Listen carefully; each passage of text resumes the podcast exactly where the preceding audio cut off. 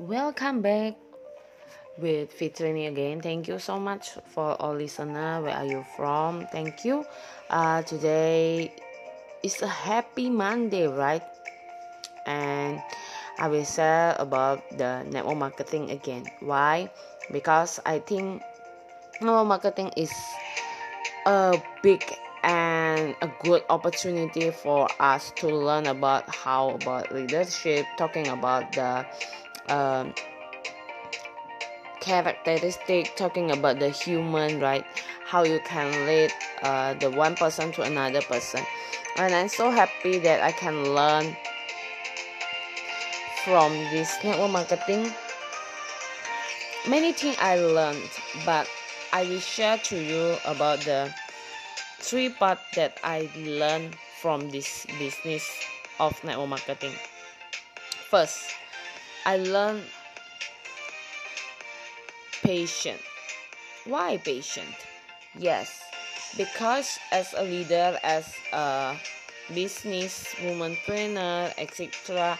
From this business, uh, business, I learned how I can to be slowly, but not talking about the slow. You cannot do anything. Slowly is talking about that I can learn how to have a good heart, have a good attitude, have a good from my words, my heart, how to serve each other from this business with my team. And the second one is talking about leadership.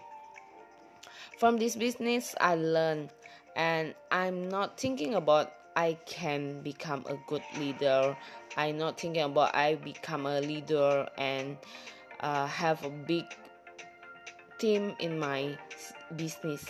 But from this business, I learned how to be a good leader. Not talking about you only give a target, you only give a many things to do with your team, but how you can engage them, how you can involve inside what they feel how you can give a empathic to them. So i learned so much from this business and the third network.